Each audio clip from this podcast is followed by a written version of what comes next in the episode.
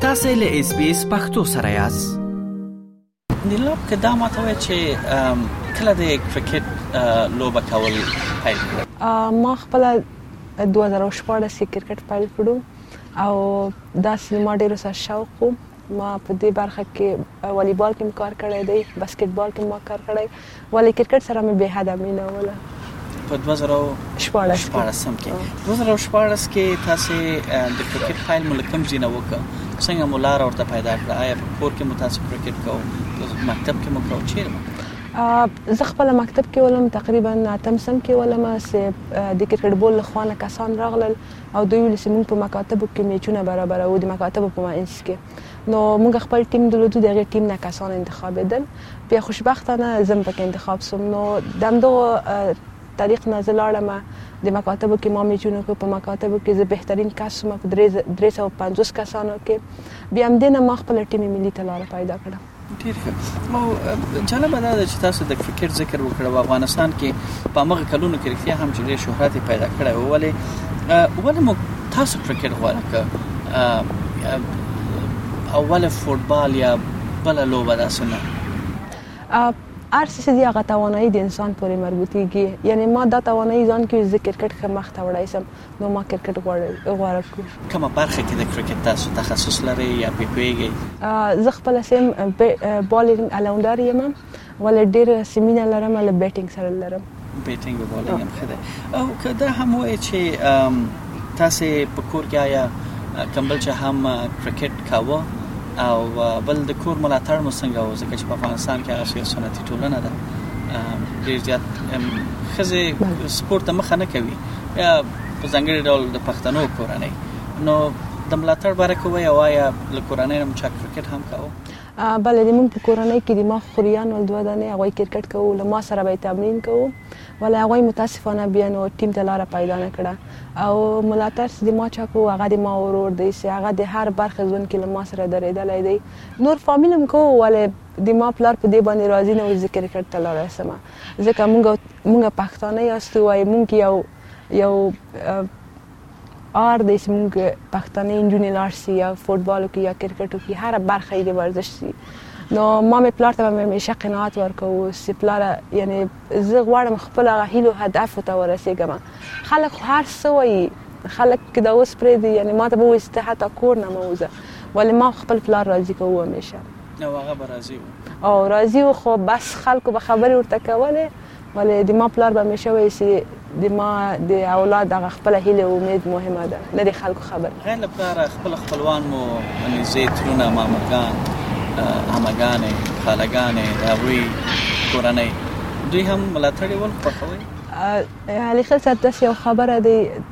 تقریبا درې کال په ما باندې څوک نه پوهېدل چې زه کرکټ لوبه کوم ولې بعد دغه نه زموږ خپلوان خبر سو نو یعنی څوک د دې طرفدار نه و زه کرکټ مخ ته ویسم او ما ته به ویل چې دا کې مونږ کې بده ده چې دا کرکټ کوي ویل ما به ویل چې نه زه خپل ځان ته ژوند ته هدف لرم نو بدون د ورور نه مې او د ما او خیګان او خوریان مې نور څوک د ما ملاتړ نه کوي جالبه ده نو د کرکټ پیل مو له خوانځي نه وکړ ملي ټیم ته څنګه مولار پیدا کړ دغه سفر هم و یو څه احساس مو وکړ په هغه ورځ چې تاسو ته وویل شو چې تاسو د افغانستان د ملي کرکټ لوبډلې غړي یې بله کله چې د مکاتب میچونه خلاص نو دوی ویل چې موږ غواړو د کابل په سطح باندې یو ټیم ولرو نو ما د هغې طریق نه لاره پیدا کړه بیا موږ تمرینات خپل کوو د موږ تمرینات هم ډیر سخت وو موږ ته په انډور کې اجازه نه راکوله یعنی یو خپل ته پښتانه محیط وو بل مثلا اختارونه راتلل طالبان خوانه او که هر چا خوانه او موږ اختارونه راتلل موږ بل تمرینات نه کول موږ به تللو په یو ګراوند کې ګراوند هم نه و هغلته تیږي ولې موږ به هلته خپل تمرینات کوو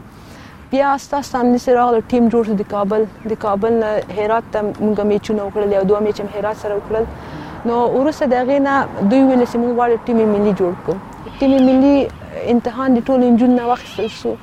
نو د ما نوم هم پکې راووت خوشبختانه یعنی هغه واقعیت یو لحظه وه چې کله اعلانېدل چې څوک نجونې کامیابې سوې دي نو ما ګوشي مې غوږ کې ولا او ورور سره مې خبرې کولې کله چې اعلان کو سیمیلاب د ټیم ته غوړه سوې ده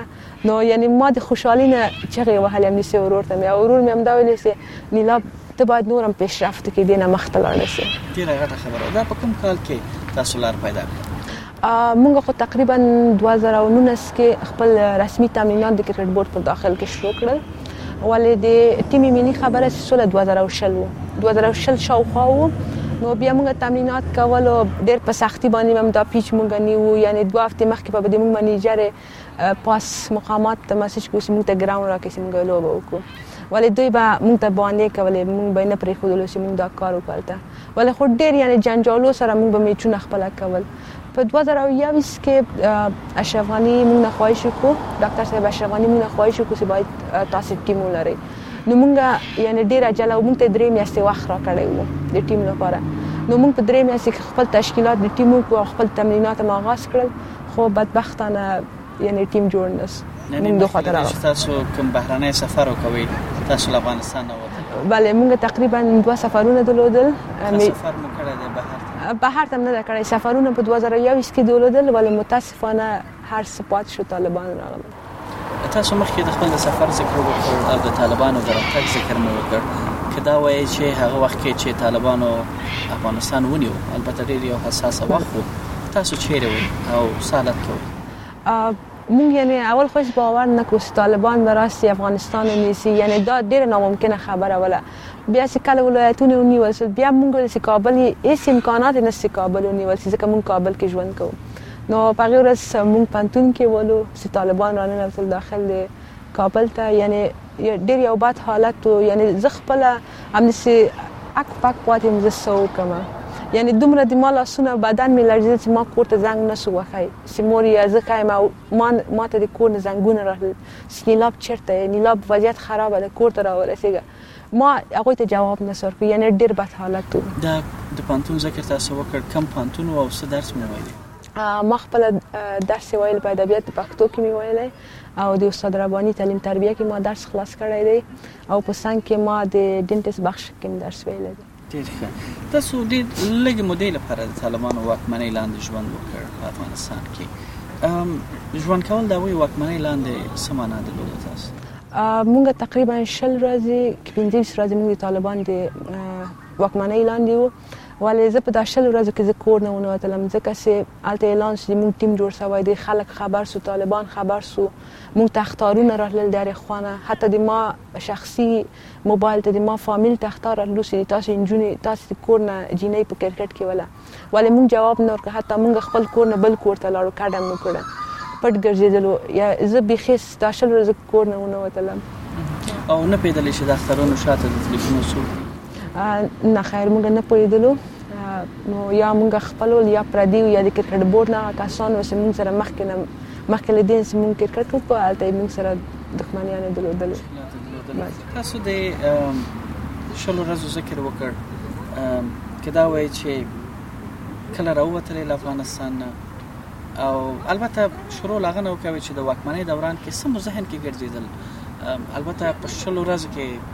خپل آینده مو پسې څنګه لیدله له پانتون نه نیولې تر تر سپورټ ډګره پورې هر څه پورې او بیا کله راووتلې کله چې طالبان راغلل نو یعنی ما داسې فکر کو چې ژوند نور ختم سو یعنی هغه خوبونه هغه پلانونه چې ما د مخکې تګ لپاره درلودل هغه نور نشته نو یعنی داسې یو بد حالت لکه انسان چې ژوندی اوسي ولې حقیقت کې مړی زه هغسې ولم نو مونږ به ګروپ کې نجونو ګروپ هم درلودو هغې کې به مسیجونه کول نجونو به ژړل زنګونه به یې وهل ما به هغوی ته بیا هم جادګیري نه ویل مال خیر دی خدای خو شته که مثلا نور څوک موږ سره کمک نه کوي یعنې ډېر بد حالت و هغه حالت چې په موږ باندې تېر سو بیا تاسې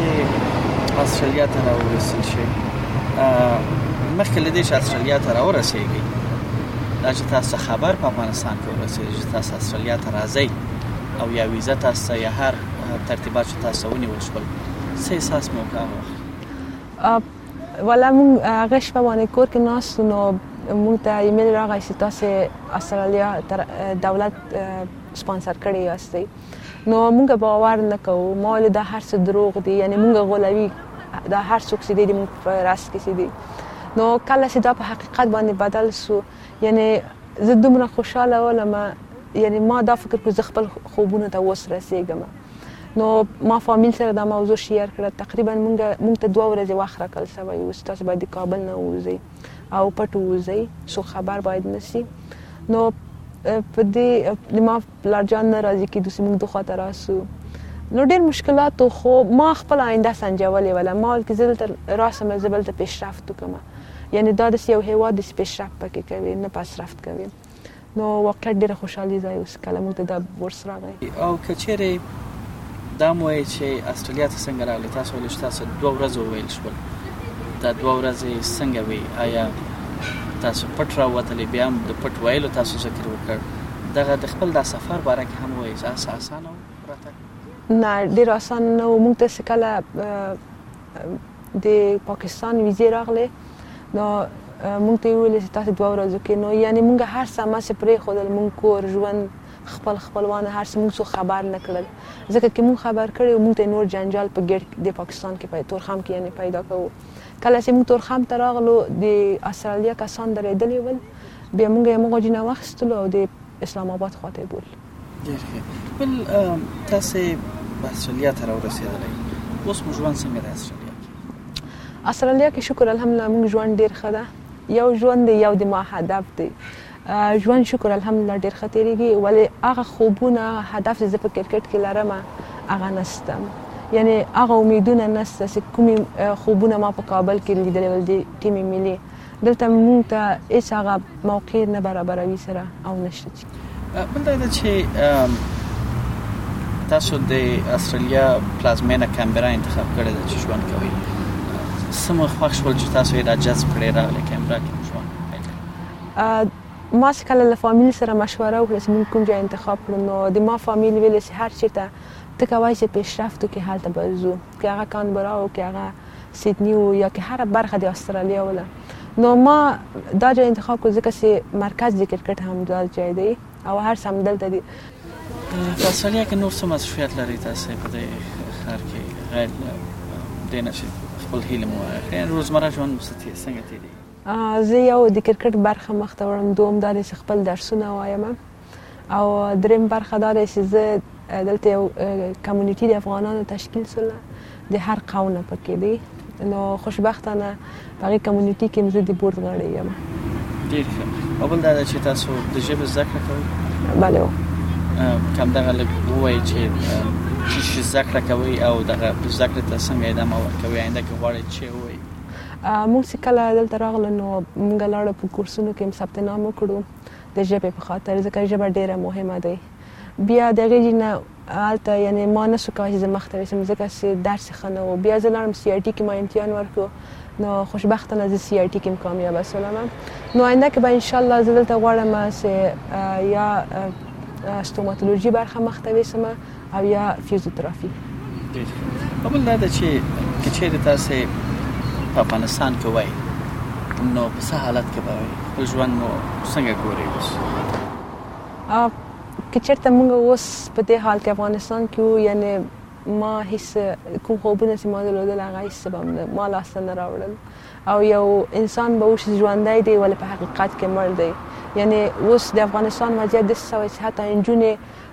درسو ته نه پرېږدي کار خو پرېږده جدا خبر ما خپل په بورډ کې مثلا کار کوو یعنی نه به درس و نه به کار و هیڅ به نه یعنی په کور کې به ناسته ولې نور هیڅ بل دا ده چې د کورنۍ غړي مو افغانستان کې پاتې دي او د هغوی څه وضعیت دی او د هغوی امنیت باره کې اندېښمن است بله د ما تقریبا درې خویندې کابل کې پاتې دي وضعیت د کابل تاسو ته معلوم ډېر خراب دی د ما یوه خور ژورنالیسته دی د هغوی وضعیت بیخي خراب دی حتی درس هیڅ چیرته نه ځي کور کې پاتې دی او حتی د هغې په سر باندې ما خوریان د ما هیګان طالبان وهي پرون شپه ما ته زنګ راغی چې د ما خوریا د موټر نه کته کړی وو او یعنی یو ماشوم چې د لس کلن دی دوی دومره بې رحمه دي چې هغه ماشوم دوی وهي په کیبل باندې ولې څه ګناه ده ګناه دا ده چې هغه درس دی ګناه دا چې ما خور د ژورنالیست دی ولې په کوم چی باندې د ما فامیل وقف تاسو د کرکټ له وجه نه یا دا چې تاسو استرالیا ته پناه راوړی دلته ویسل شوي یاست یا تاسو له وجې کورنۍ مو خطر سره مخېږي بله د ما کورنۍ په خطر کې دی اوس هم حتی زنګونه ورته راځي د مختلفو شمېرو نه او دوی ته اخطارونه ورکوي چې